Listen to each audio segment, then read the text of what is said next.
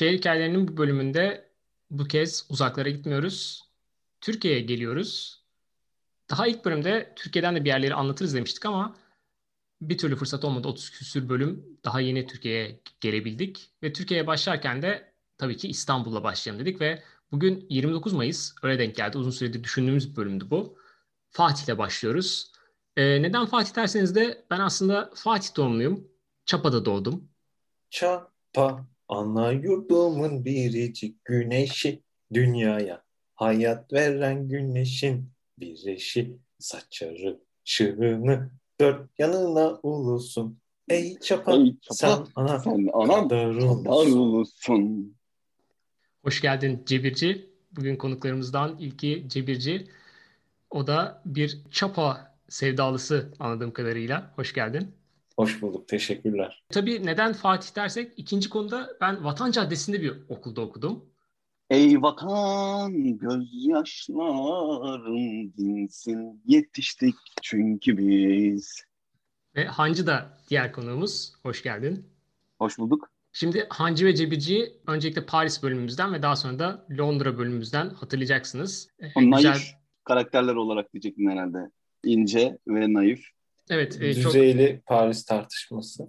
çok güzel tartışmalarımız olmuştu kendileriyle. Bu kez onlar için neden Fatih konusuna dönersek önce Hancı ile başlayabiliriz. Neden Fatih? Ben Süleymaniye doğum evinde doğdum.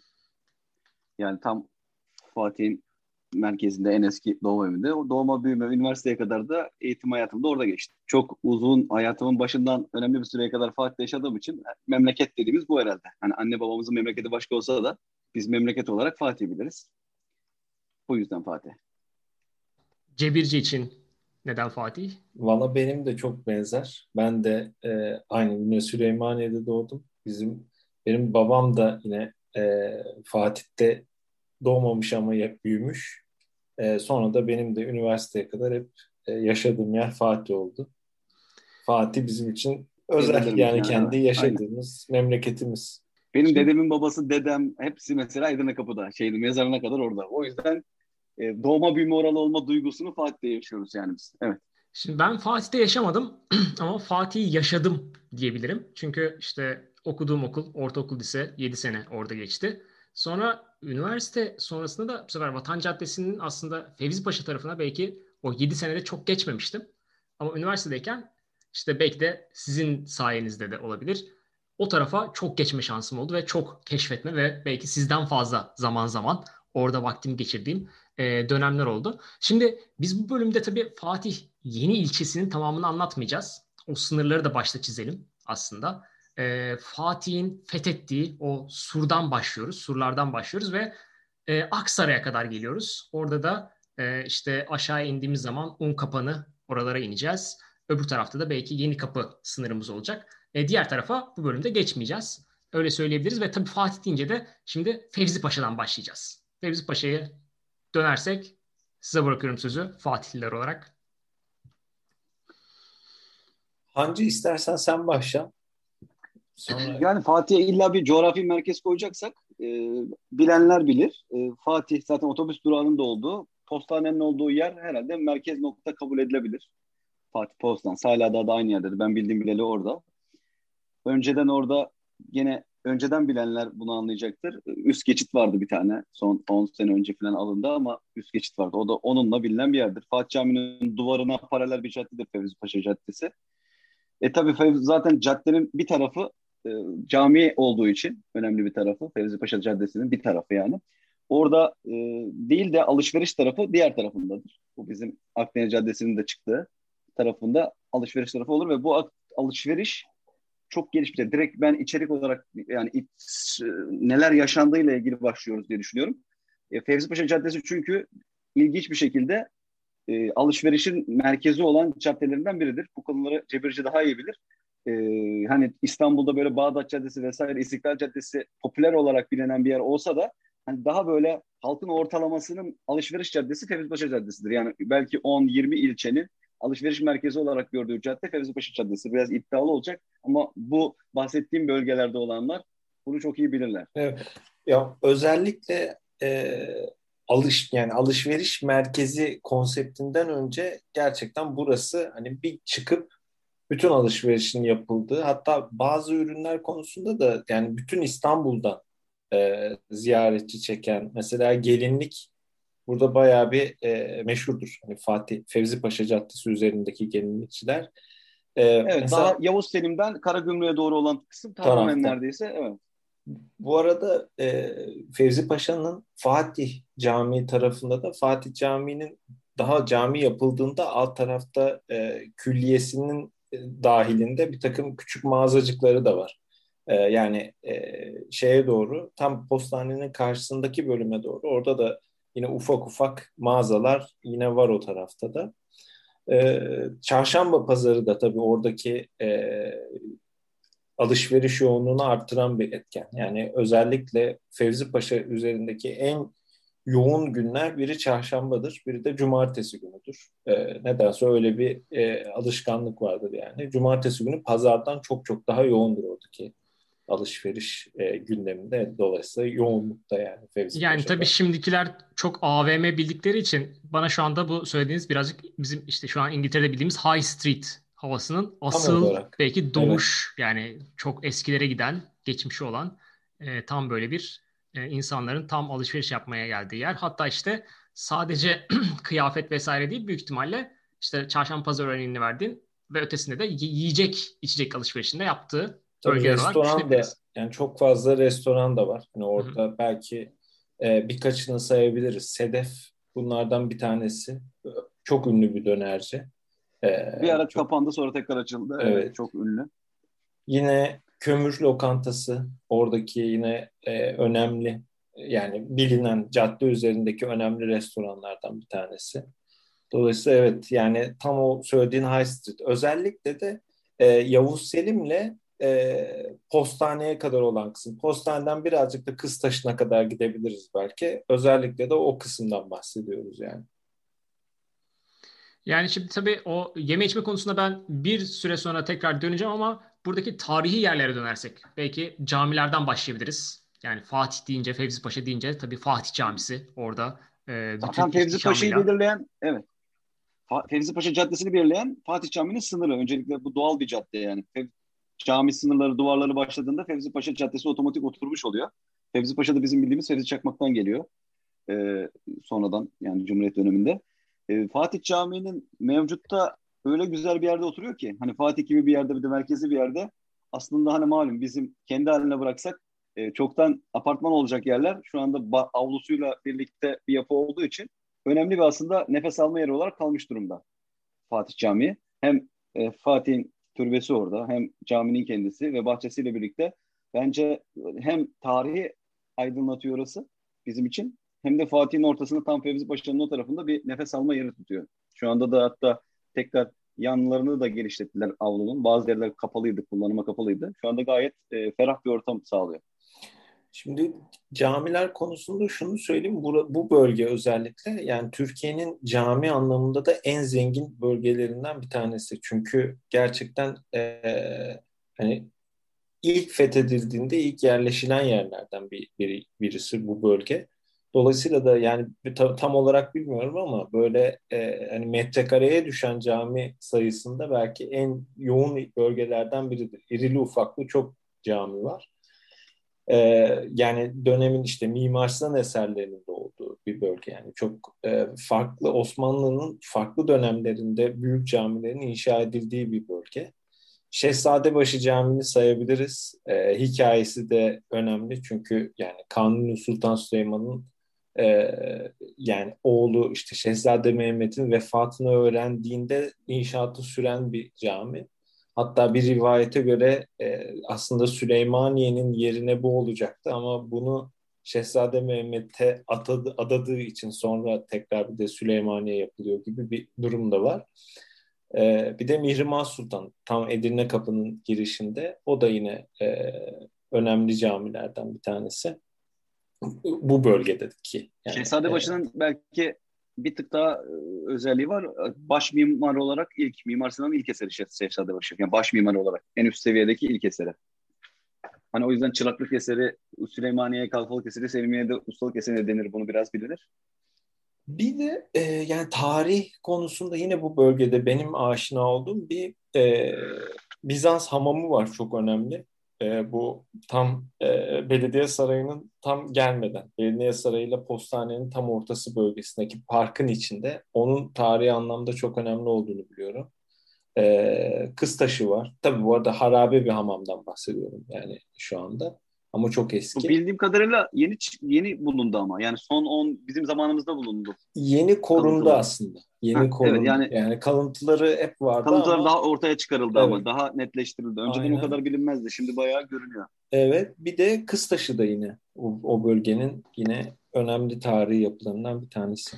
E, zaten tarih deyince Fatih'te Osmanlı'nın öncesinde de uzanmamız gerekiyor orada ve işte yani Kıstaş'ını söylediniz ve orada benim için mesela Kariye Müzesi gerçekten çok etkileyiciydi. E, ki orasında mesela e, çok sonradan keşfettiğim bir yer. Hani Fatih'te o kadar yıllar geçirmeme rağmen e, sanırım ilk gidişim 2010 filandı ve e, çok gerçekten hayran kalmıştım. Çünkü biraz saklı, gizli bir yerde ya o Kariye Müzesi. Doğru. E, evet. Yerine baktığınız zaman yani gerçekten turistler gidip bulur gibi bir durum var. Yerlilerin böyle çok uğraşıp bulmadığı bir yer ama sanırım şimdi cami olduğu için belki birazcık daha talep artmıştır diye düşünüyorum Kariye'ye. Tabii şu an ben Türkiye'de olmadığım için bilmiyorum talep Yok hiç zannetmiyorum talep arttığını. Tam tersi ben çocukken o zamanlar İngilizce bizerken Anadolu Lisesi'nde öğrendiğimiz için turistleri falan böyle arada gezdirirdik. Yani o işleri yapardık. Turistler hani yer sorardı. Çünkü oralar dediğin gibi yerlerin bile bulmakta bazen zorlandığı yerler olduğu için görünmediği için hep Kariye en büyük e, turistlerin gittiği yerdi benim gözümde. Yani benim Fatih'te yaşayan bir insan olarak turistlerin en çok sorduğu yer Kariye'ydi diyebilirim. Eminönü tarafını karıştırmıyorum zaten. Fatih tarafında olduğum için söylüyorum. O yüzden e, hani bu değişimin orayı daha çok bilinir kıldığını zannetmiyorum. Çünkü daha çok turistler akın ediyordu oraya. Şimdi daha normal bir cami oldu herhalde. Ee, şimdi benim e, tam denk gelemedim de Yavuz Sultan Selim Camisi var. Oranın da manzarasını çok överler ama ben benim bölgem. gitmeye evet, çalıştığımda tadilattaydı galiba. Ben evet senin seni bir kere gitmeye çalışırken o zaman Yavuz Sultan Selim Camii tadilattaydı. Ben e, hani böyle ortalama her sene giderim oraya. Bir seyir terası gibi bir şey vardır bahçesinin. Oradan Beyoğlu'nu seyredilir. Yani Beyoğlu'nu komple gören. Aşağı doğru da Fenerbalat'ı, karşıda Pera'yı görülebilecek bir yere sahip. Yavuz ya, oranın şu özelliği var. İstanbul'un e, tepe görüş anlamında en güzel noktalarından bir tanesidir. Hani çok çok bilinmez ama çok harika bir seyir terası var. Ya bu gerçekten. tepe konusuna bir girebilir miyiz? Hakikaten tepe konusuna girmek istiyorum. Çünkü tepe konusu malum Yeditepe'li şehir konusu. Ben orada e, Roma kaydında da bu konular üzerinden geçildi biraz. Yani Yeditepe'li şehir Roma. Ben Roma'ya da gittim. Fatih'te de İstanbul Fatih benim için. Orada da yaşadım. Öncelikle Yeditepe'li değil Fatih. Buyurun buradan bir tartışma açmak istiyorum. Yani 7 tane tepe işaret ediliyor. Hatta bunların veri, veriliyor yerlere. Evet 7 tane yükselti var ama öyle bariz bir 7 yükselti yok. Tamamen Yeni Roma olarak 7 tepeli şehir burada da 7 tepe seçelim diye ismi konmuş bir şey bu 7 tepe. Ee, isimleri var doğru. Evet bir tanesi işte Edirne Kapı'da bir tanesi Topkapı Sarayı'nın orada vesaire. Hepsinin ismi belli, yeri belli ama aslında ortada bariz bir Yeditepe de yoktu. Bu konuya da buradayken değmiş olalım. Çünkü bu konu iki, iki yerden karışıyor. Bir İstanbul Yeditepe deyince malum bir Çamlıcacılar var. Hani Çamlıca'dan başlayan tepe sayıcılar var. O zaten yanlış. Tamamen Fatih'in içindeki bugünkü Fatih, Eminönü ikisi birden sayıyoruz tabii. İçindeki yerlerden bahsediyoruz. Evet. O zaman İstanbul Yeditepe şarkısına da buradan bir şer koyuyoruz diye anlıyorum. Yok yani bu nostaljik olarak e, kullanıyoruz bunu. Yeditepe var tamam ortada bir Yeditepe var ama bu tamamen Roma'dan e, alınıp başkent buraya getirilince hadi bu yeni romanın da Yeditepe'si olsun denilerek yapılmış bir şey. E, şimdi Kariye'nin o tarafa geçmişken Karagümrük'te bahsetmek istediğiniz neler olur? Karagümrük nam salmış bir Valla bir Süper Lig takımıyız. Artık Süper Lig takımıyız. Yani daha bizim konuşmamıza gerek yok futbolcular konuşuyor. Ya, Türkiye bu seneki konuşuyor. performans da ortada. Yani, yani şampiyonu belirleme yılda yaptı. Vardı. Evet. Bu, yani Fatih coğrafyası anlamında tabii ki Karagümrük için Karagümrük stadı yani orası Vefa stadı diye geçer. Yani orası e, önemlidir çünkü bu sınırlar içinde başka öyle bir e, yani bahsettiğimiz şeyde o kadar büyük bir e, aslında.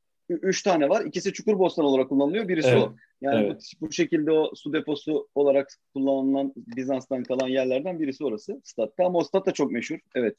Edirne Kapı'dan giren herkes orada o boşluğu görüyor aşağıda stat olarak. Şu anda onun Süper Lig'de olması tabii ayrı bir güzellik. Tabii önceden de Karagümrük yeni yok. Arada e, davranıyor. Hani yeni gelmiş gibi davrananlara daha siz kurulmadan Karagümrük vardı gibi davranıyorlar haklı olarak. E, Karagümrük'ün başka tabii meşhur olduğu yerler de var. Karagümrük hani böyle delikanlılık falan diye bilinen e, İstanbul eski rajonunun da merkezi olarak kabul edilebilir. Kurtlar Vadisi'nde zamanında ismini kullanmayıp Cerrahpaşalar olarak almışlardı o meşhur hikayede. Aslında o Karagümrük hikayesi tabii ki.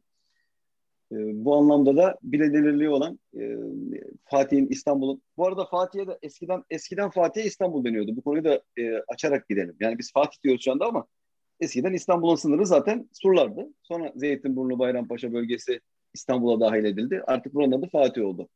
Yani Konstantinopol dediğimiz Fatih'in İstanbul olarak bildiği yer bizim şu an konuştuğumuz Fatih. Burada... Yani şunu net belirtelim. Edirne kapısı surlarını düşünün veya bütün sur boyunu. O surun dışı zaten fethedilen Şehir bölge dışı. değildi. Orası evet. zaten e, kuşatmanın başladığı yerdi. Yani zaten yani Osmanlı'ya bölgeydi. Evet. Eskiden daha çok bilinmiyordu. Hani artık internet falan olduğu için bunlar daha çok biliniyor ama evet Topkapı Fatih Topkapı'dan şehre giriyor zaten. Malum Topkapı. Veya Anadolu Topkapı. yakasını zaten hiç konuyla şey alakası yok. Evet. Ee, Karagümrük'e gelmişken orada yani benim çok e, bir hikayem olmasa da Sulu Kule. Sulu Kule şu anda yaşamayan bir yer artık olmayan bir yer. 8 yaşındayım. Babamla arabada nereden geldiğimizi hatırlamıyorum. Gece ya bayram ziyareti falan olabilir. Yani bir amcamlara gidip geliyor olabiliriz. Arabadayız. Normal Edirne Kapı'dan normal yollardan dönebilirdik. Sonra bir konusu mu geçti? Bir şey mi oldu? O zamanlar bir şeyler konuşuluyordu. Dur size Sulukule'den geçeyim de görün dedi. Araba Sulukule'ye girdi. Şahin filan arabayla. Sulukule'ye girdik. Tabii ki ben ilk defa görüyorum tabii ki. Ee, arabanın üstüne birileri çıkmaya başladı. Ortam, çalgı, çengi, lay lay lay. Kötü niyetli bir şey yok. Yanlış alsın arabanın üzerine çıkarlar. Kızlar falan yani öyle. Nere hadi kalkın oynayalım falan. Sonra anne falan da var arabada. Yani arabanın içinde kimler oldu tabii onlar birileri geldi gibi düşünüyorlar. Hani böyle eğlence ortamı. Tabii 8-9 yaşında içime kapandım. Yani ne yapacağım? Çok değişik buradan. Bir kişiden bahsetmiyoruz. Bayağı da bir kalabalık. Arabanın etrafı da sarıldı. Oraya giren araba mutlaka bir şekilde indiriliyor yani. Tamam inmedik yani artık aile falan olduğumuz için ama Sulu Kule'yi tanımış oldum. Yani Sulu Kule gerçekten böyle e, kendine has sokakların olduğu, o sokakların hepsi tamamen cıvıl cıvıl. Tabii bugünkü Sulu Kule'den bahsetmiyoruz. Hani önceki Sulu Kule. Tamamen e, hani o müzisyenlerin e, gerçek anlamda kendi sokağında evlerin önünde müziğini yaptığı, oturduğu, gelenin de orada katıldığı bir eğlence ortamıydı. Mahalle içi eğlence ortamıydı. Şu anda tabii kentsel dönüşüm adı altında oralar komple yıkılıp e, başka türlü villalar yapıldı. Artık Sulu Kule yok. Sadece bu bahsettiğimiz isimler var. Onların bir kısmı Karagümrük'te taşındılar ama çoğu da gittiler başka yerlere. Sanırım Müjdat Gezen biraz Cennet Mahallesi'nde onu yansıtmaya çalışmıştı zaten. Eskiden de darbukatör, bayriyamlar falan hep böyle bir Sulukule esintileri. abartılı Gezen'de. değil ama hani abartılı gelir normalde abartılı değil yani ortam o gerçekten. Ee, şimdi o surlar dedik. Surların içiydi aslında İstanbul dedik ve aslında surları belki çok sonra asıl yıkan e, o büyük caddeler oldu. E, ve işte Adnan Menderes Bulvarı, Vatan Caddesi belki birazcık oralara inmeye başlayabiliriz. Millet Caddesi'ne geçeriz sonra. Tabii inmeden e, bir not yine bu kayıda girmeli. Topkapı'da aynı zamanda eskiden otogar vardı. Ki ben çocukluğumda da hatırlıyorum bunu. Çok eski değil. Hepimiz az, şehir dışına gitmiş olanlar hatırlarlar. O zamanlar uçak çok kullanımı yoktu zaten. Hep otobüslerle giderdik ve Topkapı'ydı şehirler arası terminal. Yani şehrin sınırının surların dibi olduğunun bir örneğidir o. Topkapı şehir dışında şehire gelmek için kullanılan bir yerde. Sur'dan bahsetmişken buna girebiliriz. Sonra caddeye dönüyorsak ben e, yani Topkapı için şunu ben söyleyebilirim. O demin söylediğin işte asıl İstanbul e, orasıydı tarafında da ben hep mesela işte İstanbul'a gelirken şeyi merak ederdim. E, işte İstanbul şu kadar kilometre, İstanbul bu kadar kilometre yazıyor. Neresi bu İstanbul sorusunun cevabı aslında Topkapı'ydı e, o zamanlar eskiden. Evet. Ben de mesela şey hatırlıyorum. Biz, biz, biz işte Trakya'ya giderken Topkapı'daki e, terminalden gidiyorduk. Çünkü o Avrupa terminali diye geçiyordu galiba. Öyle bir şey vardı. Öbürü Asya terminali işte Harem'deydi. E, ve işte Topkapı'dan giderken mesela Merter'den çıkarken İstanbul'dan çıkıyorduk biz artık. O işte Elvan fabrikası falan. E, hatta işte evet. Yeni Bosna oradaki o şeylerin yanından geçmek artık İstanbul'dan çıkıştı. Tabii şu ankiler evet. için e, bu birazcık böyle şaka gibi Hat, olabilir ama zamanında öyleydi. Hatta bazı nostaljik fotoğraflar var. Tam Topkapı'nın orada İstanbul'un nüfusu yazan falan Hı-hı. görülmüştür. İnternette bakanlar çok karşılaşmıştır onunla. caddeler demiştin. Güzel bir yere değindin aslında. Evet orada yani Edirne işte, Kapı'dan başlıyor. O yani Fe, Fevzi Paşa Fevzi Paşa zaten bir e, kanal, öbürü e, şu an diğer ismi Adnan Menderes Bulvarı sanırım. Biz Vatan Caddesi evet. olarak hep diye biliyoruz.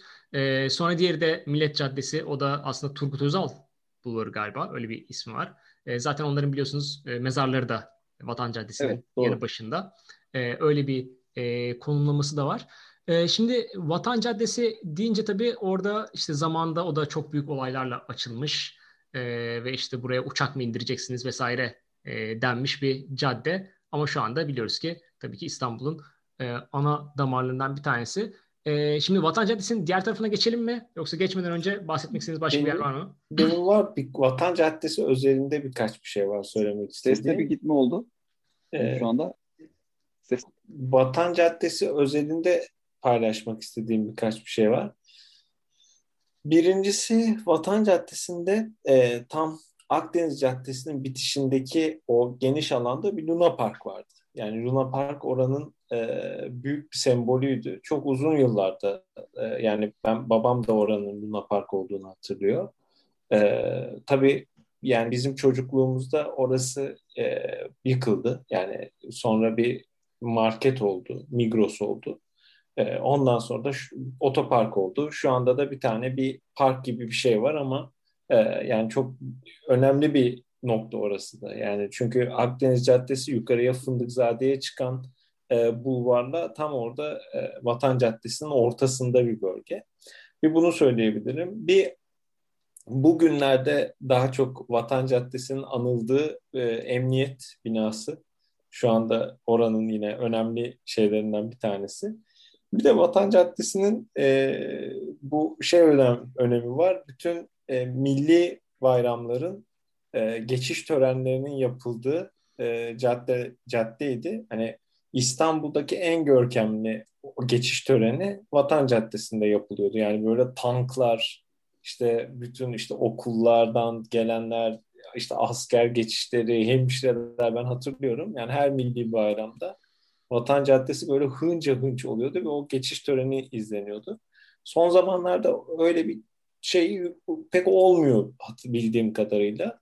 Yani böyle savaş bir ara, uçakları falan geçiyor yukarıdan. Yani inanılmaz evet. bir e, şey böyle e, şey oluyordu. Gösteri oluyordu yani orada. Sen hatırlıyorsun biz orada yürüyorduk. Öyle onu söyleyebiliriz. Vatan Caddesi'ndeki bir ortaokul, lisede okumuş kişiler olarak. E, oradaki yürüyüşleri bize e, bahşediyorlardı ve e, hatta e, Hancı'nın orada koroda şarkı söylemişliği de var hatırladığım kadarıyla. Şarkı değil İstiklal Marşı öncelikle. Onu düzeltelim bir.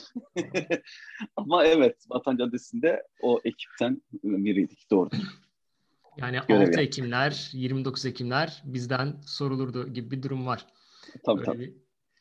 Bir, e, hatta Vatan Caddesi'nin evet. evet.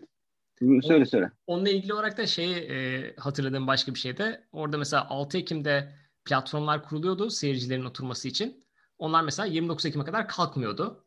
O platformlar sabit kalıyordu ve o arada biz bir kere de Süper Baba'nın bir çekimine denk gelmiştik. Hancı ile birlikte evet. Süper Baba'da rol almışlığımız var mesela. Öyle evet. bir anımız da var. O bölümü bir türlü bulamadım ama e, yani hala tam... arıyorum ben de. Evet ben de arıyorum. Olmadı. Yani YouTube yayınlar var. Yani o şeydi, dedesini almaya geliyordu orada. Dedesi böyle bir... Evet, amca da vardı. Amca da vardı sahnede. Bu arada 6 Ekim'i de bilmeyenler için söyleyelim. İstanbul'un Kurtuluş Günü 6 Ekim'de. Ee, onun da yine gösterileri oluyordu 1923'teki. Yani bu bu tip bilgilerin şöyle önemi olabilir. Biraz tarih dersi anlamında değil de İstanbul gene o günde konuşuyorsak 6 Ekim'de kurtulan İstanbul'da gene bu bahsettiğimiz Fatih. Yani sadece Osmanlı zamanından bahsetmiyoruz. Sonuçta aslında İstanbul işgal edilen yer bir yerde de burası olmuş oluyor. Tabii yanında Beyoğlu ve e, Pera'yı da alıyorlar. O ayrı. E, Vatan Caddesi malum İsfatih'in İstanbul'un tek nehridir eski. O Lik, Likus mu ne bir ismi sanırım. O, o kurumuş bir eski nehir.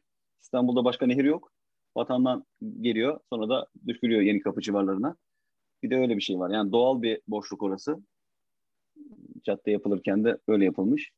Ve e, Ediposuz çok iyi bir noktaya değindi. Surları aslında bizim şahi topları değil, caddeleri yaparken biz yıktık. Başta Menderes'ten başlayan bir sur yıkım politikası ilgili yani uygulandı. E, bunun altında kalan çok şey olduğu söylenir. Biz şimdi bunlara girecek kadar bu olayı tabii tarih programı değiliz ama evet yani surlarda bu caddeleri açabilmek için oldukça büyük normalde kapı olan yerlere büyük büyük e, kesitlerle açıldı. Zaten iki, sö- evet. iki, iki söylediğimiz caddede birer kapı ismiyle sonlanıyor. Yani Fevzi Paşa, Edirne Kapı, Vatan Caddesi de Topkapı semtleriyle sonuçlanıyor. Bu söylediğimiz kapı isimleri hem semt ismi ama hem de gerçekten bildiğimiz kapıların olduğu yerler. Yani surların içinden geçiş içeriye, şehre giriş yapılan kapıların gerçekten olduğu yerler. Şimdi Vatan Caddesi deyince tabii o işte nehir, şu anda o nehir trafik olarak zaten akmaya devam ediyor. O hiç kaybetmemiş e, şeyini, e, debisini kaybetmemiş diyelim. Oradan Aksaray'a uzanabiliriz. Aksaray da gerçekten İstanbul'un böyle çok değişik merkezlerinden bir tanesi. Yani Aksaray'ın ötesine geçmeyiz ama Aksaray'a bir değinmeden olmaz sanki. Aksaray'ı ben yani konuşmaktan rahatsız oluyorum aslında. Çünkü Aksaray benim için yani bir Fatihli olarak e, Mecidiyeköy gibi bir yer şu anda yani bizim gördüğümüz Aksaray tabii. Eskiden bu üst geçitleri falan yapılmadan önce sanırım daha o zaman o Pertevniyel Valide Sultan Camii'nin daha ön planda olduğu Aksaray daha laleliğinin görülebildiği bir yerde ama şu anda malum yani bizim bildiğimiz Aksaray e, bizim zamanımızda o e, Taksim'e doğru dönen kavşak sonra Beyaz'a dönen kavşaklarla üstlerle böyle kapanmış etrafı kapanmış daha böyle Mecidiyeköy ortamı oluşmuş durumda. O yüzden Aksaray meydanı böyle bir kaostan oluşuyor. O yüzden bir, benim için bir hikayesi yok bu kaostan başka. Ama Aksaray'ın tabii şimdi işte o Yusuf Paşa'ya giden e, metro taraflarındaki vatan milletin birleştirme itibariyle kritik bir nokta olduğu da ayrı bir şey. Mecidiyeköy gibi keza. Yani bunlar e, her ne kadar huzur dolu ortamlar olmasa da e, vatan ve milletin kesişip birleştiği bir nokta olarak kritik bir düğüm noktasıdır. Cem için daha çok hikayesi olabilir Aksaray'da. Yo o düğüm noktasını şöyle açayım. Hani bir yandan e, hem Yeni Kapı'ya hem de bir yandan da Beyazıt tarafına da e, yani aslında e, her yöne doğru gerçekten orası bayağı bir e, merkez yani İstanbul'un ama işte e, düğüm merkezi gibi bir konumu var konumsal olarak. Aslında. Ama keşke yürünebilir bir yer olsa değil mi? Mesela düşünsene Aksaray'da yürünemeyi hayal edemiyorum. Ben çok doğru. ama çok e, çok yerliyim, çok biliyorum bir şeyler ama yani orada yürünecek bir yer görünmüyor. Orası sadece arabalar için ayrılmış bir yere dönüşmüş durumda. Özellikle. Aksaray bu. Yani İstanbul'u bilenler için hani Mecidiyeköy örneğin bence çok e, güzel oturdu. Yani aslında çok değerli bir alan ama yaya için yani öyle bir hiçbir şey yok. Bence... Şey tarafı o Aksaray metronun önüne büyük bir meydan yaptılar ama mesela orası da yine yani beton bir meydan yani. Özellikle e, şeydeki e, Yusuf Paşa tramvayıyla o metronun bağlantısı yine aktarma merkezi olarak da kritik merkezlerden bir tanesi. Hatta ilk metro yapıldığında da ilk aktarma orasıydı. İlk Abi aktarma, ilk aktarma orada çıktı. Aktarma evet. oradan öğrenildi. Aktarma evet. diye bir şey var. Basıyorsun evet. yarım çekiyor veya çekmiyor. Evet. Dönemine göre değişir artık onu bilmiyorum. Öyle şeyler vardı evet. E, bu arada Aksaray şu anda konuştuğumuz konu ciddiye alınmış durumda. Artık Aksaray'dan itibaren Laleli dahil trafiğe kapatma çalışmaları yapıldı. Bir hafta sonu kapattılar pazarları. Ee, sanırım hafta içi dahil kapatacaklar. Yürüyüş yoluna çevirecekler orayı. Yani Eminönü tarafına giriyor. Bizim bugünkü gündemimizde değil ama Aksaray'dan itibaren e, konuyu yürüme yoluna çeviriyorlar. Evet şeyi hatırlıyorum. Oradaki viyadüğü de bir şekilde kaldırmayı falan düşünüyorlardı hatta. Bir yer altına al, alma düşüncesi vardı. Bu arada e, çok kişi hatırlamaz. Tramvay aslında Aksaray o metronun önüne doğru giriyordu ilk zamanlarda. Öyle bir şey de vardı. Orada bir park alanı, oradan bir evet, insanlar evet, hala. gibi bir şey vardı. Raylar duruyor hala orada hatta. O raylar hala kapatılmadı üstü. Hatta o viyadüğün e, sebep olduğu başka bir şey de AVM'ler öncesi belki yine ilk AVM örneklerinden diyebileceğimiz Aksaray Yeraltı Çarşısı. Orada. Aman e, aman evet ya bunları konuşmak istemiyorum gerçekten. Yani Eminönü Yeraltı Çarşısı da gerçi onun benzeri bir şeydir bilenler için. Eminönü daha çok bilinir. Burası bilinmez. Onun benzeri bir şey diyebiliriz ama galiba ondan da kötü değil mi? Yani var orada hala dükkanlar açık tabii ben var, evet. 3 senedir gitmiyorum ama sonuçta varlardı ve açıklardı. Hala bir şeyler satmaya çalışıyorlardı. Yaşamaya yani, çalışıyorlardı yani. Bilenler için tarif ederim. İSKİ binasının e, önüne çıkan, bir tarafı İSKİ binasına çıkan, bir tarafı Aksaray'ın öbür tarafı Pertemniyel Camii'nin orada olan. Pertemniyel'e değinmişken yani Fatih ilçesi sınırları içerisinde doğrudan en önemli okul Pertemniyel Lisesi'dir. Yani onu da değinelim. Vefa Eminönü sayarsak birazdan oraya da geleceğiz ama Pertemen Lisesi de çok önemli köklü bir okuldur. Yani Vefa gibi diğer birkaç büyük okul gibi e, şu anda tanıdığımız insanların önemli kişilerin birçoğu Pertemenlerden mezundur. Diyerek rotamızı biraz daha tekrar çevirmeye başlayalım istersen. Taramayı bitirmemiz lazım program iki saat olmaması için. Evet Cebirci senin eklemek istediğin bir şey var mı Aksaray Yok, ya da yeraltı çarşısı hakkında? O zaman Yok, Millet Caddesi'ne ederiz. uzanırsak e, yani belki hastanelerden orada konuyu açabiliriz. Millet Caddesi deyince orada yani Türkiye'deki yani İstanbul'u geçtim Türkiye'de belki e, gitmeyen bir aile hane yoktur herhalde ki oradaki hastanelere uğramayan. Evet. Yani Aksaray tarafından başlayarak Haseki e, yani hem geniş hem büyük hem de önemli bir hastane. E, Çapa Tıp Fakültesi yine yani İstanbul Üniversitesi'nin e, iki e, tıp fakültesinden biri Çapa, diğeri de Cerrahpaşa zaten. Yine o da bugünkü e, sınırların içinde. Yani aslında bu bölge e, Vakıf Kuraba Hastanesi'ni de sayarak sayarsak şu anda ismi e, farklı. Samatya. Ha, Samatya Eğitim Araştırma da var İstanbul Eğitim Araştırma. Var. Hancı e, Vakıf Kuraba'nın yeni ismini biliyor musun şu anki? Bezmi Alem. Bezmi ha, Alem. Bezmi Alem. Evet. evet. E, dolayısıyla yani aslında bu bölge e, gerçekten hastaneler anlamında Türkiye'nin en böyle e, gelişmiş hastanelerinin ve tıp fakültelerinin de olduğu bir bölge. E, ve de şimdi bu tarafa geçtiğimiz zaman e, Fevzi Paşa'daki Fatih'ten farklı bir Fatih görüyoruz aslında bölgeye evet, geldiğimiz zaman. Yani evet. Şehremeni dediğimiz zaman, Çapa dediğimiz zaman. Fındıkzade. Fındıkzade evet ve işte hatta oradaki işte Samatya bölgesi bile dediğimiz zaman farklı bir e, Fatih'ten bahsediyoruz. Burada sizin evet. gözünüzden nasıl görüyorsunuz bu tarafı? Yani kuzey, birazdan kuzeye de geçeriz. Yani Fener, Balata, e, Haliç'e bakan tarafa. Şu anda konuştuğumuz yer Marmara'ya bakan taraftan bahsediyoruz. Marmara sahile bakan taraf. Ben burada şöyle görüyorum. Uzaktan izlenemiyorum bir çalışma sonucu değil. Bu sahilin devamındaki sahil gibi, Bakırköy sahil gibi bir sahil olduğunu ama Fatih sınırları içerisinde kaldığını düşünüyorum. Yani dışarıdan bakınca Fatih biraz daha Fevzi Paşa'daki daha muhafazakar bilinen bir semt. Fatih uzaktaki birisi için. Doğru aslında Fatih itibariyle. Özellikle Fatih'in kuzeyi yani Haliç tarafına davranan yakın için ama bu tarafı için hiç geçerli değil o. Yani normal Bakırköy neyse e, benzer bir yaşam tarzı ve mahalle yapısı var. Hatta orada da yine çok ünlü dedi işte Cem Yılmaz'ından e, farklı yerlere kadar birçok e, meşhur kişi de oradan çıkmıştır bu arada. Önemli bir yerdir. Orada hatta bildiğim kadarıyla Ermeni okulu var. Orada bir Ermeni cemaati de var. O da bilinen e, o tarafta kalıyor. Yani Koca Mustafa Paşa'da. E, yani orada orası daha kozmopolit e, bir yerdir Fatih'in e, Marmara tarafı. Hani muhafazakar olarak bilinen Fatih'in muhafazakar çok da bilinmeyen bir kısmını oluşturuyor. Benim genel olarak söyleyeceğim. Evet yani Haliç tarafı söylediğin tarafta hani herkesin aslında Çarşamba semtini birazcık Fatih'le özdeşleştirilen bir şey vardır ama aslında... Ama cevap hakkı doğdu. Oraya gireceğim. O çarşamba tabii, bir bölgemiz sayılıyor ama evet, evet doğrudur. Burası farklı. Bunun şöyle nedeni olabilir. Hastaneler bölgesi burada. Hastaneler bölgesi de İstanbul'un değil tüm Türkiye'nin geldiği bir yer. Yani tüm Türkiye eskiden Trabzon'da, Erzurum'da birinin ameliyatı olacağı zaman önemli ameliyatı İstanbul'a, Çapa'ya, Cerrahpaşa'ya getiriyorlar. E burada bir doktor ve bir çevre bir şeyler oluşuyor. Yani burası biraz daha uluslararası kozmopolit bir yer doğal olarak oluştuğunu düşünüyorum ben. Çünkü hastaneler gerçekten hala kalmaya devam ediyor. Düşünün bu 2020'deyiz. Hala o hastaneler aktif. Bunların birçoğu aktif. Aynı binalarında devam ediyorlar. O da orayı ister istemez farklı bir yere doğru dönüştürmüş. Evet ya bu arada bunu bu bu e, demografiyi bulmak için tam Marmara'ya da gitmeye gerek yok yani Millet Caddesi ile birlikte o demografi tabii, tabii, başlıyor tabii. zaten. Zaten Marmara tarafı diyorum evet. Marmara evet. sahil değil de Marmara tarafı yani Fatih'i ikiye ayırırsak ortada vatan ve milleti bırakacak şekilde üst taraf daha Balat tarafı öbürü Marmara tarafı gibi güney ve kuzey olarak bakıyorum. Şimdi Samatya deyince yine e, çok gençlerin bilmeyeceği İkinci Bahar dizisinde hatırlatabiliriz. Evet. Orada Tabii. İkinci Bahar e, döneminin e, en böyle insanları e, eve kitleyen ve de e, böyle Doğru. yeni bölümün beklendiği, finalinin de yine bütün Türkiye'nin izlediği bölüm şeylerden, dizilerden bir tanesiydi. Oradan Türkan Şoray ile ilgili de konuşacaksak o da Fatih Kız dizisi mezunu olduğunu da belirtelim.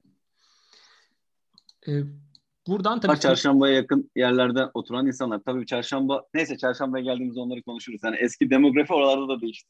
Tamam ben şimdi Fındık Sade'den e, Goralı'ya bağlayacağım. Oradan biraz yemek şeyiyle geri gelebiliriz belki. Yani aslında o Goralı sandviçin çıktığı yer Fındık Sade'deki bir büfe. Yani onların kendi anlattığına göre işte Gora kendi memleketlerindeki bir yerin ismi ve hatta işte Cem Yılmaz'ın Gora filmine bile konu olmuş şey.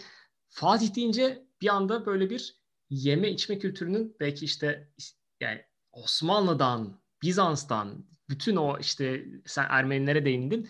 Hepsinin birleştiği bir e, yani İstanbul'da birisi bir şey yiyecekse Fatih'e gelmezse pişman olur diyebilirim ben.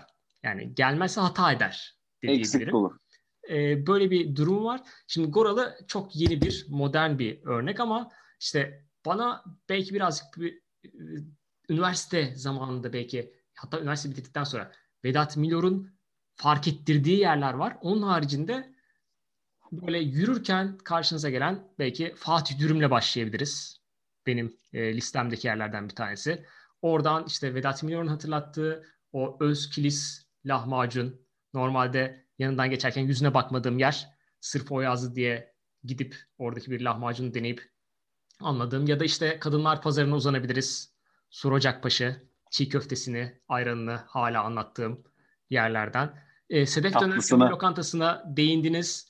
Ama işte mesela orada kimsenin bilmediği e, bir Baltepe e, diye bir yer var. Yani size bırakıyorum Baltepe'nin ne olduğunu anlatma konusunu. E, sonra vefa bozacısına da uzanırız. E, bence yeterince değindin. Yemeklerin detayına girmeyelim. E, bölgeleri de verdin. E, evet. Aslında kömür lokantasını da bunun içine ekliyoruz zaten. O da biledir. Belki burada bir tek bilinmeyen Baltepe olabilir. Gizli. O da sütleri kendinin yani kendi sütüyle kendi sütlü tatlılarını yaptığı küçücük bir dükkan ama kendi o bölgesinde çok meşhur. Birçok yerde ürünleri kullanılır.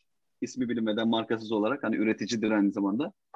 Ee, gelip gerçekten bunu dinleyip bakan, tadına bakan varsa pişman olmayacaktır.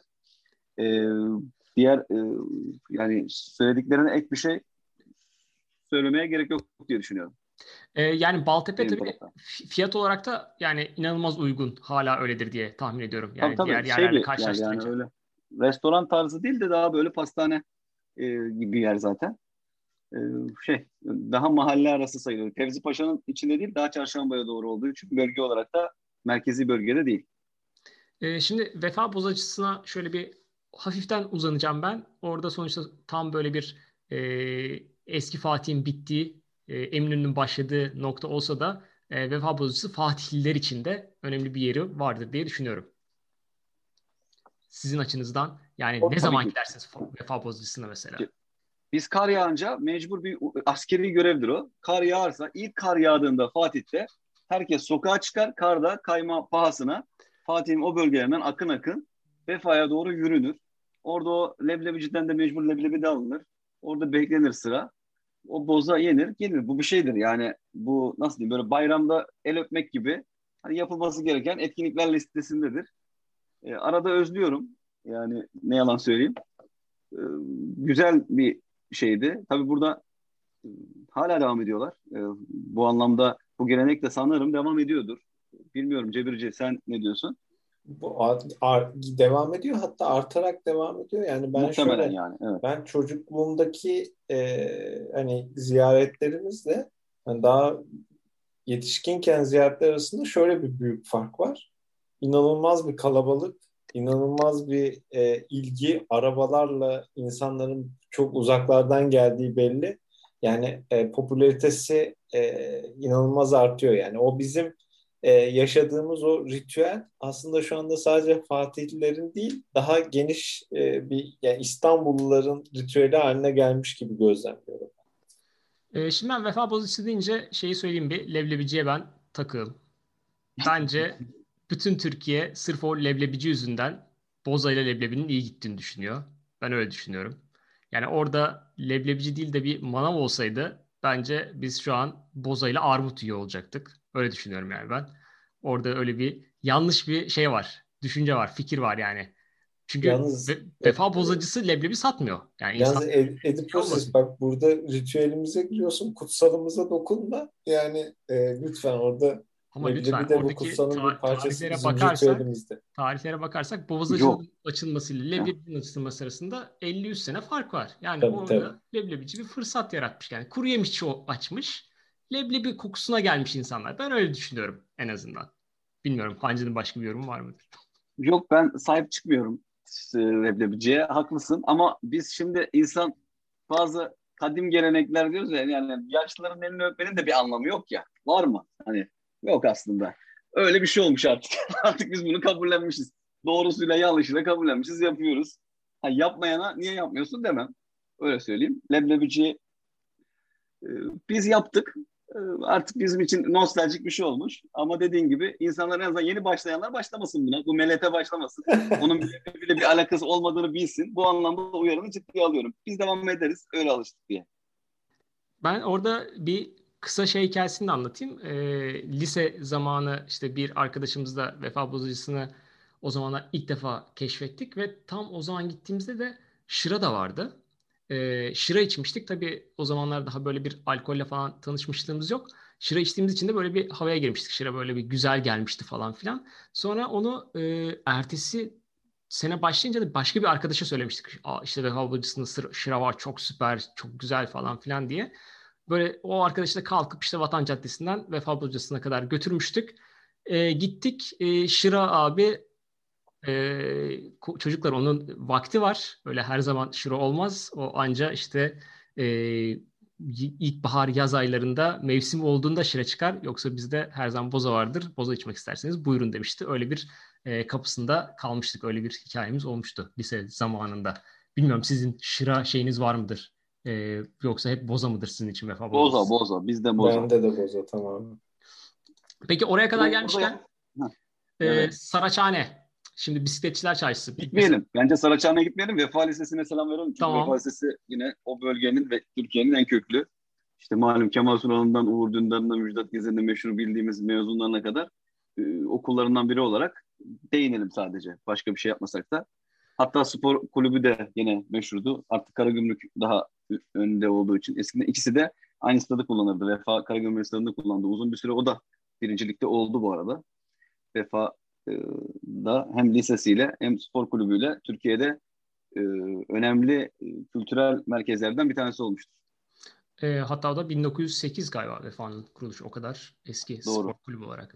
E, Saraçhane deyince benim aklımda kalan tabii ki o bisikletçiler çarşısı sanki oradan geçerken böyle bir Luna Park'ın içinden geçiyormuş hissi oluyordu. Tabii ben Fatihli birisi değilim. Mesela sizin için nasıl bir yer o? Saraçhane bisikletçiler. Aşağıdan arabayla mı geçiyorsun yoksa? Otobüsle, lütfen... arabayla aşağıdan geçecek. Evet, aşağıdan değil mi? Taksim'e giderken. Öncelikle giderken. çok güzel bir yerdesin. Biz Fatihliler olarak aslında oradan araçla geçmiyoruz. Önce onu söyleyeyim. Yani belli bir yerden sonra geçiyoruz tabii ama normalde bizim yürüme mesafemizde oradan arabayla geçenler sizin gibi turistler yani.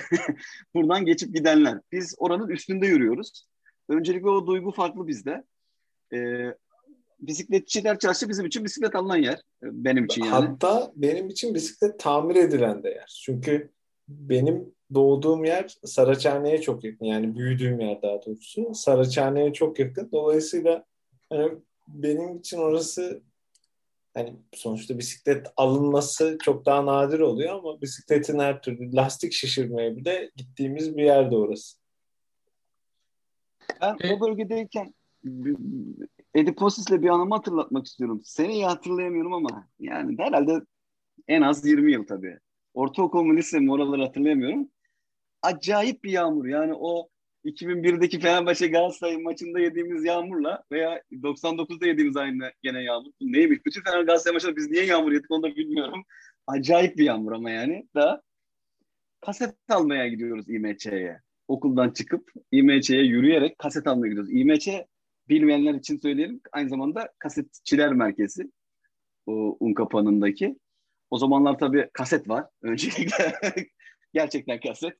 Ve eski kasetler mesela orada sanırım böyle Orhan Gencebay'ın dilencisi var. Sonradan meşhur oldu. Bugün meşhur o şarkı. O gün bilmez kimse. O Dokunma Dilenci albümü. Onu oradan bulup almaya gitmiştik.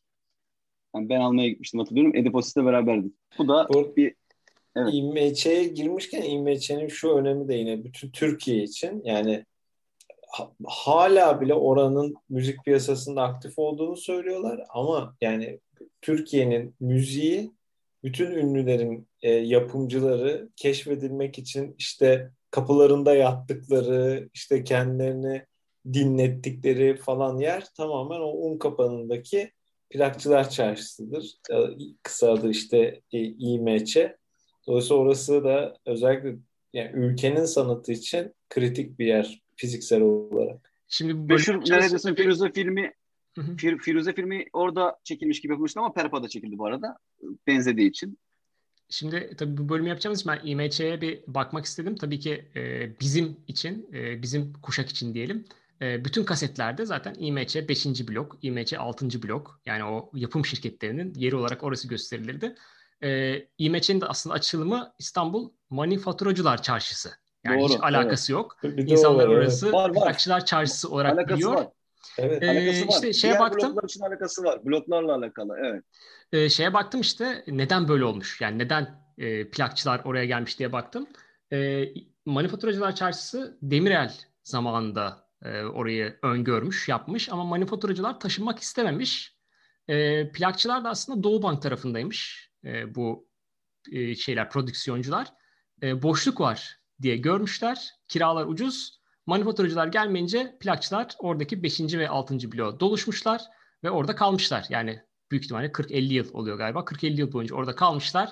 Ta ki işte dijital MP3 ve sonrasında işte bu Spotify vesaireyi yaşayana kadar hala orada tek tük e, kasetçiler olsa da böyle bir IMC'nin geçmişi olmuş. Bütün e, Türkiye'ye yansıyan işte Müslüm Gürseslerden Orhan Gencebay'dan herkesin gelip orada kasetini planı hatta zamanda planı kaydettiği e, yer olarak öyle bir e, yer etmiş durumda. E, peki orada size şey soracağım. Un kapanı pilavcısı bu kadar meşhur. Sizin için gerçekten bir meşhurluğu var mı? Un kapanı pilavcısının. Valla benim için meşhur olması gündem. Yani ben kendim o pilavı hani e, yedim ama benim hayatımda bir yer etmiyor. Bilmiyorum Hancı da e, fikrini söylesin. Tatilli hani... olmaktan bağımsız olarak e, meşhurluğu ve evet yedik ama gözümüzün önünde oldu o kapalı pilav. Evet. Zaten önceden yoktu. Hani bizim ya. için e, biz daha önceden beri orada olduğumuz için o, o, o sonradan e, böyle meşhur oldu. Ama benim değil mesela mi? böyle aa efsane bir pilav tabii canım inanılmaz falan diyeceğim Yok bir şey ya, değil yani. Değil, tabii. O, orada pilavın efsane değil de. Evet yani ilginç Pazarlama, bir şekilde. Şöyle Cebirci e, bence şeyi kaçırıyoruz. Hani biz kendimiz olayın farkındayız ama hakikaten bunu İstanbul'da olmayan bile birileri dinliyor muhtemelen. Şimdi bu bahsettiğimiz üçgen gibi olan e, Fatih tam ortasından Eminönü ile Fatih'i ayıran cadde Atatürk Caddesi. Demin konuştuğumuz de Yeni Kapı'dan gelip Un Kapanı Köprüsü'ne doğru giden. Şimdi bu cadde aynı zamanda böyle dümdüz gidince Taksim'e çıkan Beyoğlu'na giden cadde ve bütün o Bakırköy dediğim Bakırköy tarafındaki yerleri de Taksim'e bağlayan cadde. O 28'ler, 28T'ler ve daha ileridekiler buradan geçiyor. Bu anlamda orası işlek bir yer. Hani arabasıyla gidenler için, otobüse gidenler için hep önünden geçtiği bir yer. Yani un kapanı pilavcısı gibi yerlerin gene böyle türeyebilmiş ve büyüyebilmiş olması o işleklikten kaynaklı. Yani un kapanı sadece kendi içinde. Buraların nüfusu sıfırdır bu arada bilmeyenler için. Eminönü tarafına kalır zaten o bahsettiğimiz pilavcı. Nüfusu sıfırdır. Yani gece nüfusu sıfır olan bir yerden bahsediyoruz.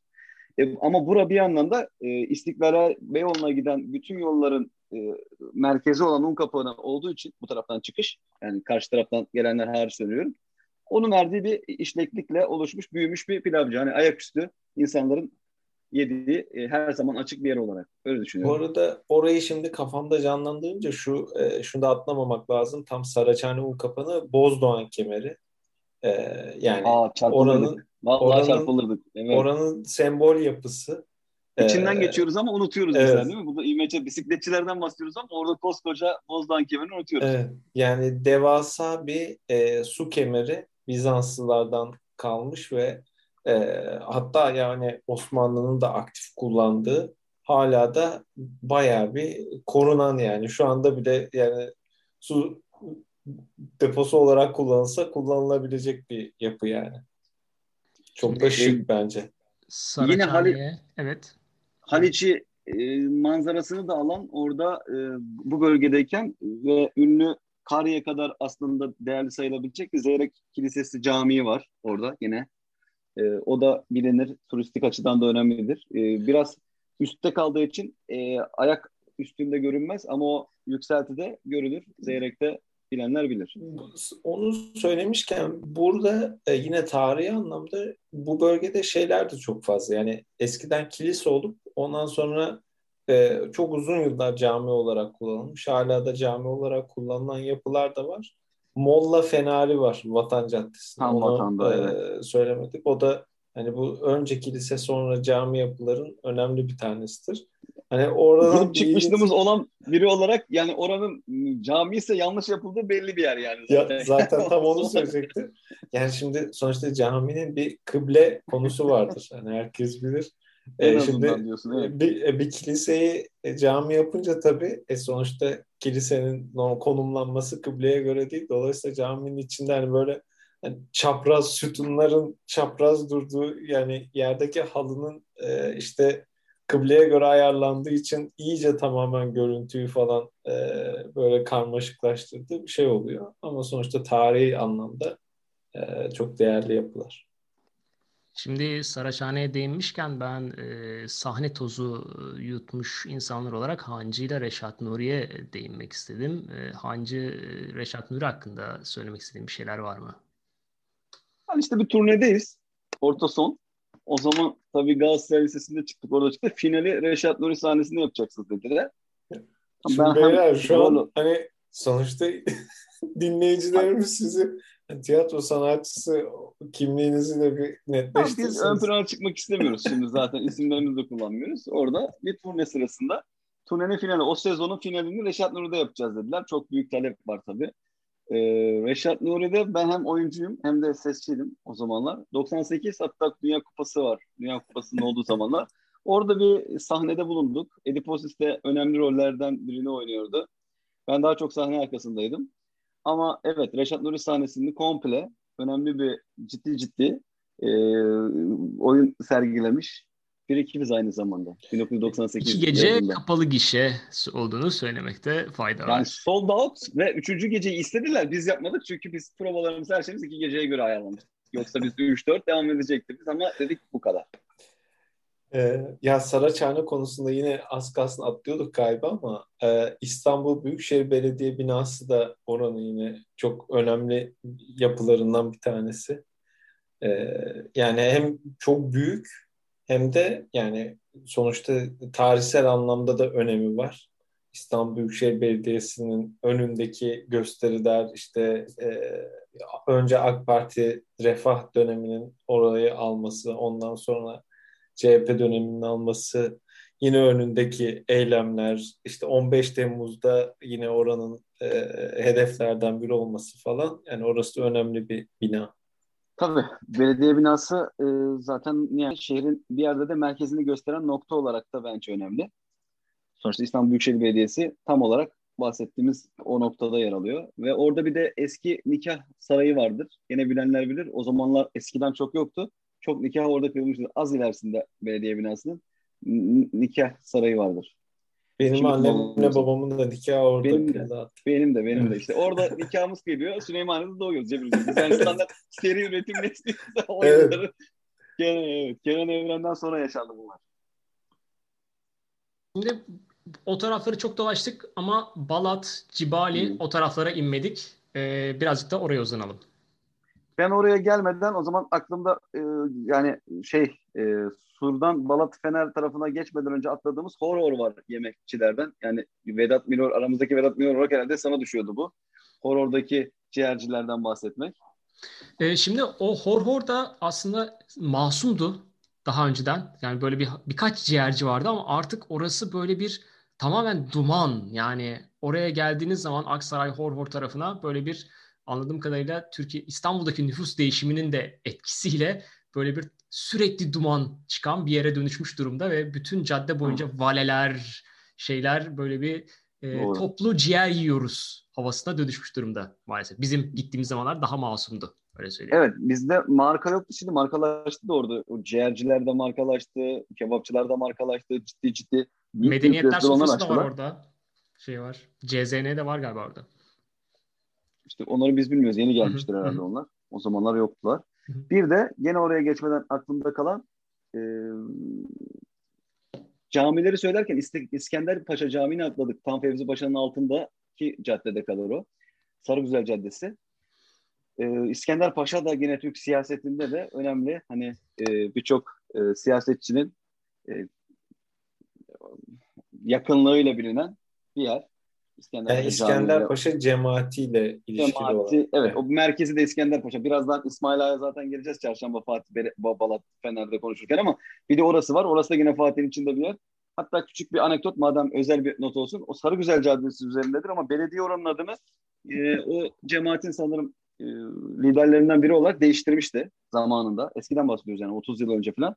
Hala da, da resmiyette değişiklik olması lazım ama Sarıgüzel bir şekilde mahallesi direnerek Sarıgüzel ismini devam ettirdi. Fiilen Sarıgüzel resmiyette Mehmet Said Kotku olabilir orası. Sarıgüzel de Atatürk'ten geliyor bu arada. Öyle yani e, Fatih'teki muhafazakar layık çatışmasının sınırlarından biridir Sarıgüzel. Çünkü hem öbür tarafa hem bu tarafa doğru e, yeri olan demin dedik ya Marmara tarafı daha muhafazakarlıktan uzak Balat tarafı daha fazla muhafazakar.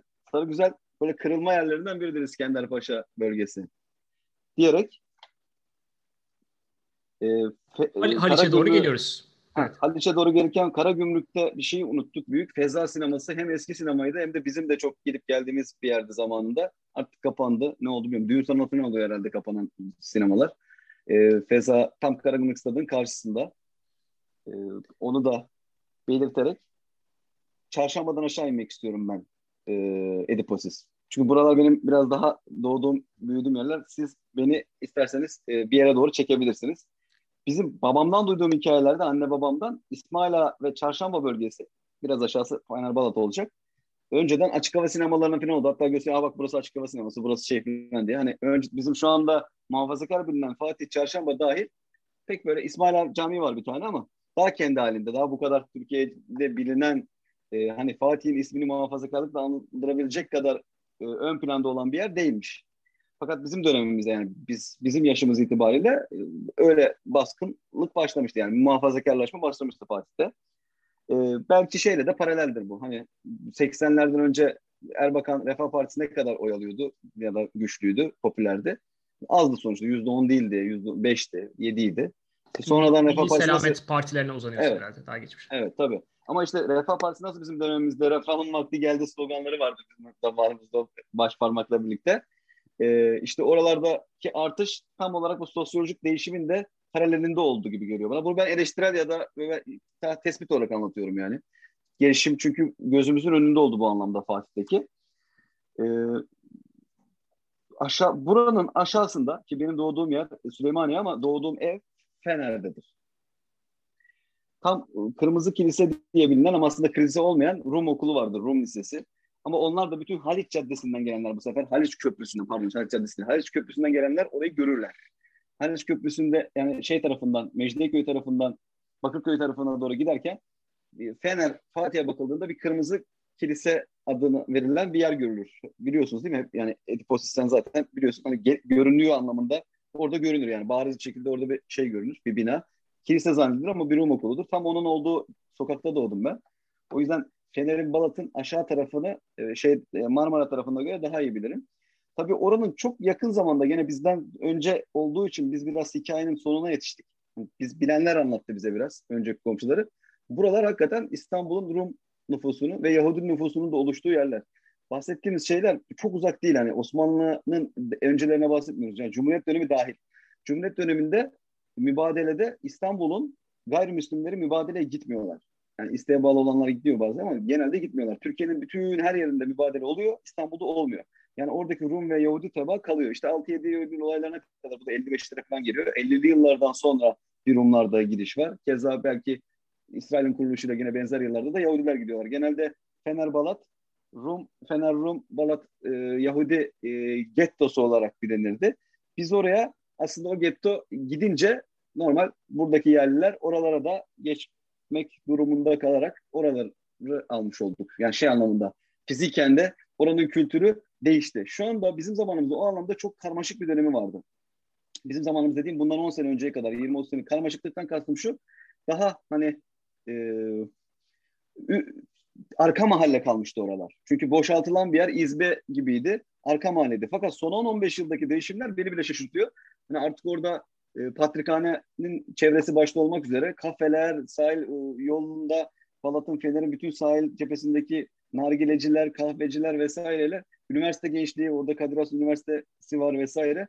Çok değişik bir ortama dönüştü. Cebirci bilmiyorum sen gördün mü? Ben kardeşlerimden biliyorum. Yani e, hani Balat'ı yani böyle Cihangir gibi falan tabii yani öyle değil de yani böyle son derece Yok öyle e, öyle değil değil. Ben evet. gittim öyle. Yani, yani böyle hani profil e, çok yani böyle genç, entelektüel bir e, şey var yani.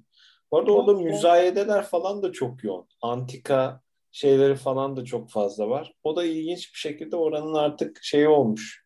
E, biraz havası olmuş yani. Böyle çok e, yani mağazalar genelde böyle antika eserlerin olduğu, böyle daha otantik eserlerin olduğu bir sürü mağazalar da var kafelerle birlikte. Yani orada şu anda ilginç bir demografi olmuş gerçekten. Ee, bizim çocukluğumuzda da şey hatırlıyorum. Çok böyle bir ahşap ev yangını o bölgede olurdu. Herhalde o bahsettiğin işte Rumların vesairenin bıraktığı yerler olduğunu düşünüyorum o eski evlerin. Öyle şeyler hatırlıyorum. Var, sahipsizlik de var. Ee, evet. Bizim de mesela dedemin bir yer var orada. O da yandı. Duruyor öyle yanık duruyor mesela. Ee, dediğim zamanında gidenlerin devrettiği yerler olduğu için yeni kültür o bir kültür kapandı, yeni bir kültür açılıyordu. Orada bir bocalama dönemini gözümüzün önünde geçtik. Şu anda e, oraların tarihi değerini bilenler orayı tekrar kültürel merkez haline çevirmeye ve Cihangir dediğin gibi gibi bir ortam oluşturmaya başladılar. Bir de o mesela ahşap ev dedik. Böyle restore edilen ahşap evler var. Gerçekten çok çok hoş gözüküyorlar. Peki cevap hakkı demiştin Hancı çarşamba bölgesi için. Ne demiştin çarşamba bölgesine? Sanırım cebirci bir şey demişti. Yani çar- bugün bugün yani çarşamba Fatih muhafazakar e, kitle şeyi çok böyle algılarda oturmuş durumdadır. Yani genelde doğru, doğru. insanlar hani böyle Fatih deyince çarşambanın içindeki cemaat yapılarını e, ve hani böyle çok daha muhafazakar giyim kuşam olarak da muhafazakar gözüken yani muhafazakarı da açalım. İşte yani çarşaflı insanları görürsünüz. Cübbeli, sarıklı, sakallı insanları görürsünüz. Ee, ya bu arada yani sadece görünüm olarak değil yani insanlar çocuklarını da yani okula göndermeme çok yoğun var oradaki e, cemaat insanlarında. Ee, yani işte oradaki cemaatin kendi eğitim yapısına teslim ediyorlar insanlar çocuklarını. İşte Kur'an kursu diye geçiyor ama sonuç olarak orada e, her konuda işte e, bir şeyin içine giriyor çocuklar. Dolayısıyla hani o yani şu anda orada e, bu şekilde olan bir bölge var. E, yani sadece bunu, burada şunu söylemek istiyorum. Cevap hakkı yani bir tartışma şeklinde değil zaten e, Hancı da aydınlatır. Yani orada bir şöyle bir yanlış algı var. Sanki Fatih e, oradan ibaretmiş ve Fatih'in tamamının demografisi orasıymış gibi. Ama yani bu gerçek değil tabii ki. Cevap hakkını aslında ben önceden kullandım. Ee, bu bir kere e, sonradan oluşmuş bir dönüşüm diyorum öncelikle. Ben mesela babamların zamanında, dedemlerin zamanında, bizimkiler de önceden gelmişler. E, o açık hava sineması olan yerler şu anda mesela diyelim ki Kur'an kursu gibi değişimler var zaten.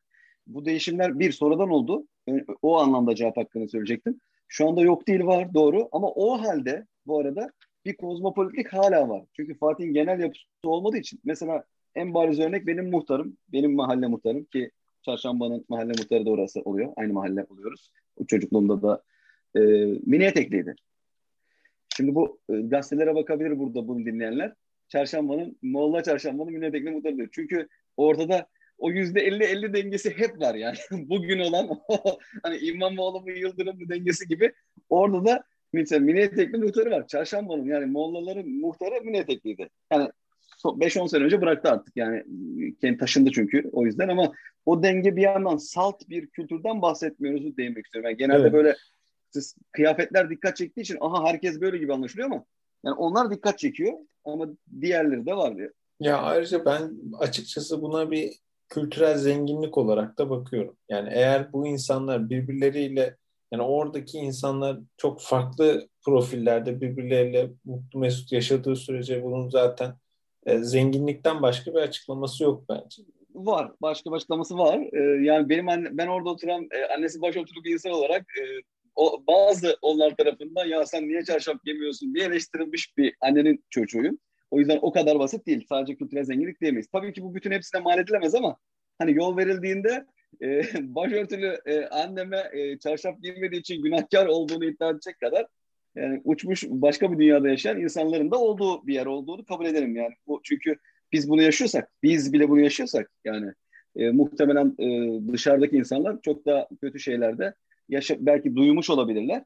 Ha bu genel değildir bu arada. Yani orada tabii ki Şunu aslında dolaşırsın. Ha, yani mesela şimdi e, yani yolda böyle bir baskıya maruz kalma ihtimalin çok yüksek değil. Yani tabii, sonuçta tabii. hani normal mahalle baskısı başka bir şey ama hani insanların normal yolda gezerken tabii, böyle bir baskıya evet. maruz kalmaları çok çok düşük ihtimal. Tabii zaten turist güzergahı orası. Tam oranın üzerinden geçerek Fethiye'ye gidiyorlar. Orada Fethiye yine camisi var. Yine camisi dediğimiz biliyorsun. Fethiye camisi de eski e, kilise olan. O da önemli bir yapı bu arada. Draman'a doğru giden yol. Biz bunlara şu anda değinemedik. Draman meselesi. Yani Karagümrük'ten aşağı inince. Ama oraya değinemedik ama herhalde ezelde meşhur olan Molla Aşkı Parkı'na da değinerek Fatih'e bir veda ederken e, genel mekanlarına Ezel e, Eyşan'la buluştuğu sahnelerin yer aldığı Molla Aşkı Parkı da Fatih sınırlarında bir yerdir. Eyşan'ın kardeşinin vurulduğu. Ah, Spoiler oldu söyledim. ama. evet ama artık seyretmedilerse de yapacak bir şey yok. evet. evet. Ee, Ezel'de zaten sık sık Halic'in köprü Haliç köprü ayaklarında buluşuyordu zaten herkesle toplantı noktası olarak. Orayı kullanıyordu. Ee, şimdi ben bitirirken şeyi sormak istiyorum aslında. Ee, yemeklerden gideceğim yine. Ee, böyle bir nokta atışı. Şimdi İMÇ mesela un kapanı pilavcısı çok e, adam değildir dediniz. Peki böyle bir önereceğiniz pilavcı olur mu? Onu sorayım. Fatih'te, o bölgede var mıdır? Şu pilavcı, yok, şurada yenir. Pilavcı diye bir şey öneremem yok. Peki, Bende de yok öyle bir şey. Kuru fasulye var mı öyle bir şey? Yoksa onlar Süleymaniye mi gitsin fasulyeciler? Belki ona em, em, diğer bölümde de değiniriz. Benim bildiğim sıcak yemek konusunda, sulu yemek konusunda Süleymaniye'de harika lokantalar var. Hı hı. Ama ee, bugünkü tur, kapsamda aklıma gelmiyor. Yani. Turşucu? Turşucu Uludağ turşusu tartışmasız. Tam Baltepe'den aşağıda Uludağ turşusu Yavuz Selim Caddesi üzerinde. Ee, peki yoğurt? Barbaros yoğurtçusu. O da belki de Türkiye'nin ilk yoğurtçusu falan yani. Marka olarak. O da tam yine emniyete doğru inerken e, cadde üzerinde. E, şimdi mesela ben e, yoğurt deyince Fatih'te karşılaştığım ve şaşırdığım bir şey de böyle e, tabii ki şu anda artık çok alıştığımız marketten e, işte dost yoğurt diyelim ya da diğer işte tikveşli vesaire diyelim. E, çarşamba tarafındaydı galiba. Oradaki yerlerde direkt yoğurt dediğiniz zaman poşetin içine hop hop hop diyerek tartarak verilen yoğurdu evet. hatırlıyorum mesela. Bu mesela hala evet. devam eden bir şey. Fatih'te gördüğüm, karşılaştığım bir şeydi mesela. Evet evet. Şeyle evet doğru. Böyle bir e, neredeyse ev yoğurdu havasında böyle bir yoğurt satışı devam ediyor Fatih'te. Böyle bir durum var. Akdeniz Caddesi'nin üzerinden geçmedik. Akdeniz Caddesi de bir yandan o bahsettiğimiz vatanı milleti vatanı milleti bakın cim kelimesileri bile özelsiz vatanı milleti Fatih Camii'ne yani Fatih'e çıkaran önemli bir caddedir. O da bir bel kemiği yani Fatih'in yapısında da. Zaten o yapıda coğrafi olarak e, işte Akşemseddin, Akdeniz, Halıcılar sonra da Hor Hor bunlar o iki caddeyi birbirine bağlayan dikine e, sırasıyla geniş caddeler. Yani bunların hepsi de kendi adına yine Fevzi Paşa gibi street denilebilecek caddeler. Yani hepsinin üzerinde yine çok fazla mağazalar, marketlerin olduğu çok işlek caddeler yani dikine caddelerde. Akdeniz'in çıktığımızda solda çıkmadan önce Diver Karadeniz mutfağının gene kömür gibi meşhur bir lokantası. Yıldız Saray Karagümrük'te kaldı. Önceden Fatih Postanesi'nin orada vardı. O da yine Fatih'in kadim yerlerinden biriydi. O şubesini kapattı ama sanırım tekrar açmadı herhalde o e, merkezdeki yere. Ee, Balat tarafında Fener Rum Patrikhanesi'ne değinmedik sanırım. Orada var mıdır herhangi bir anlatmak istediğiniz bir şey?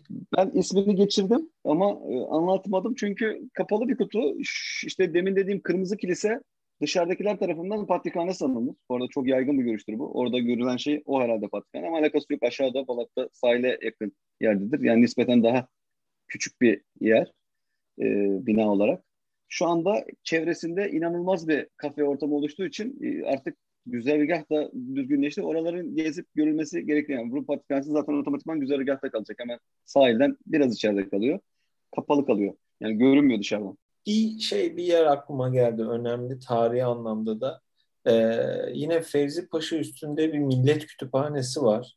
Ee, yani o kütüphane de yani en eski kütüphanelerden bir tanesi ve içinde de çok yani mesela böyle bazen alakasız bir şey araştırırken bile bir kitabın nerede olduğu ile ilgili bilgi de Millet Kütüphanesi'ni görüyorum. Orası da çok kaynak e, çok kaynak olarak kullanılıyor. E, neresi olduğunu Ediposis biliyorsun değil mi? Hı hı.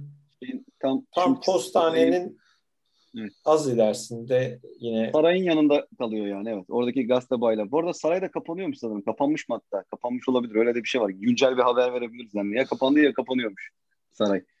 O da aslında orada e, bayağı bir yer etmiş bir restoranların arasında bir yer diye söyleyebiliriz. Ama son 20 yılın. O da son yıl. Kadir Topbaş'la geldi oraya diyebiliriz neredeyse. O, o da öncesinde orası saray değildi. O yüzden bizim için sonradan gelmiş bir şeydi. Onu da belirtelim hani. E, yani tabii işte Fatih e, şimdi sona doğru geliyoruz. E, öyle bir yer ki yani ben şunu hatırlıyorum işte o belediye binası dedik. Onun karşısında mesela parklar vardır. O parkların içinde bile böyle yere sanki serpiştirilmiş taşlar bile belki Bizans zamanından kalma taşlar. Ee, öyle bir bölge gerçekten Fatih.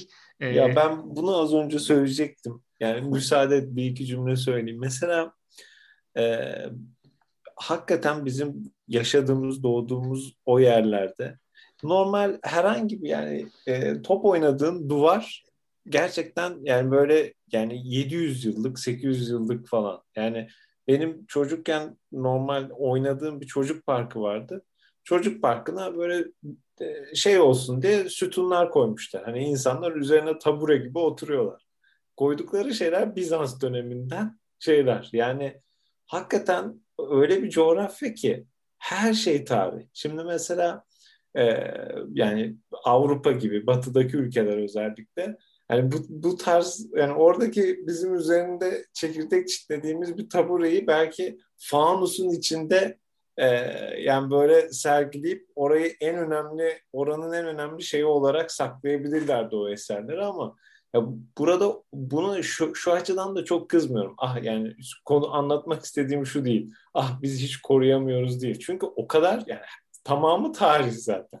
Yani her yani duvar tarih, taş tarih, yer tarih yani hepsi yani 700-800 yıllara gidiyor yani. O yüzden hakikaten öyle bir coğrafyada doğup büyümüş olmanın aslında ne kadar ilginç bir şey olduğunu böyle yıllar sonra başka ülkelerde falan yaşayınca onların böyle eski eserlere yaklaşımını falan görünce daha iyi anlıyorsun.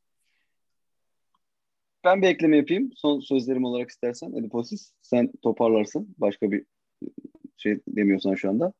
Ee, biz şu anda Fatih'i konuştuk. Yani Eminönü dışındaki Fatih'i konuştuk. Fatih'in İstanbul'un hmm, Eminönü tarafı hariç e, büyük yarasını. Burası yerleşim yerine dönüşmüş durumda. O yüzden şu anda bahsettiği Cebirci'nin e, dönüşüm de hani apartmanların arasında kalmış bazı tarihler var.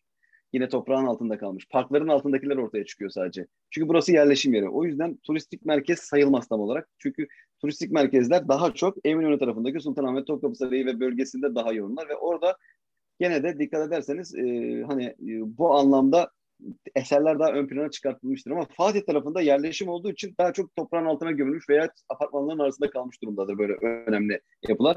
Biz bugün turistik olmayan aslında çok da turistik olmayan bir bölgeyi anlattık. Bunun içinde birkaç turistik nokta vardı. Yani önemli turistik nokta Kariye gibi. Onlar bile zaten anlatırken de değindiğimiz gibi apartmanların arasında kaldığında bulunamayacak, turistlerin de bulmakta zorlandığı ya da işte senin de mesela geç gördüğün çünkü apartmanların arasında kalmış.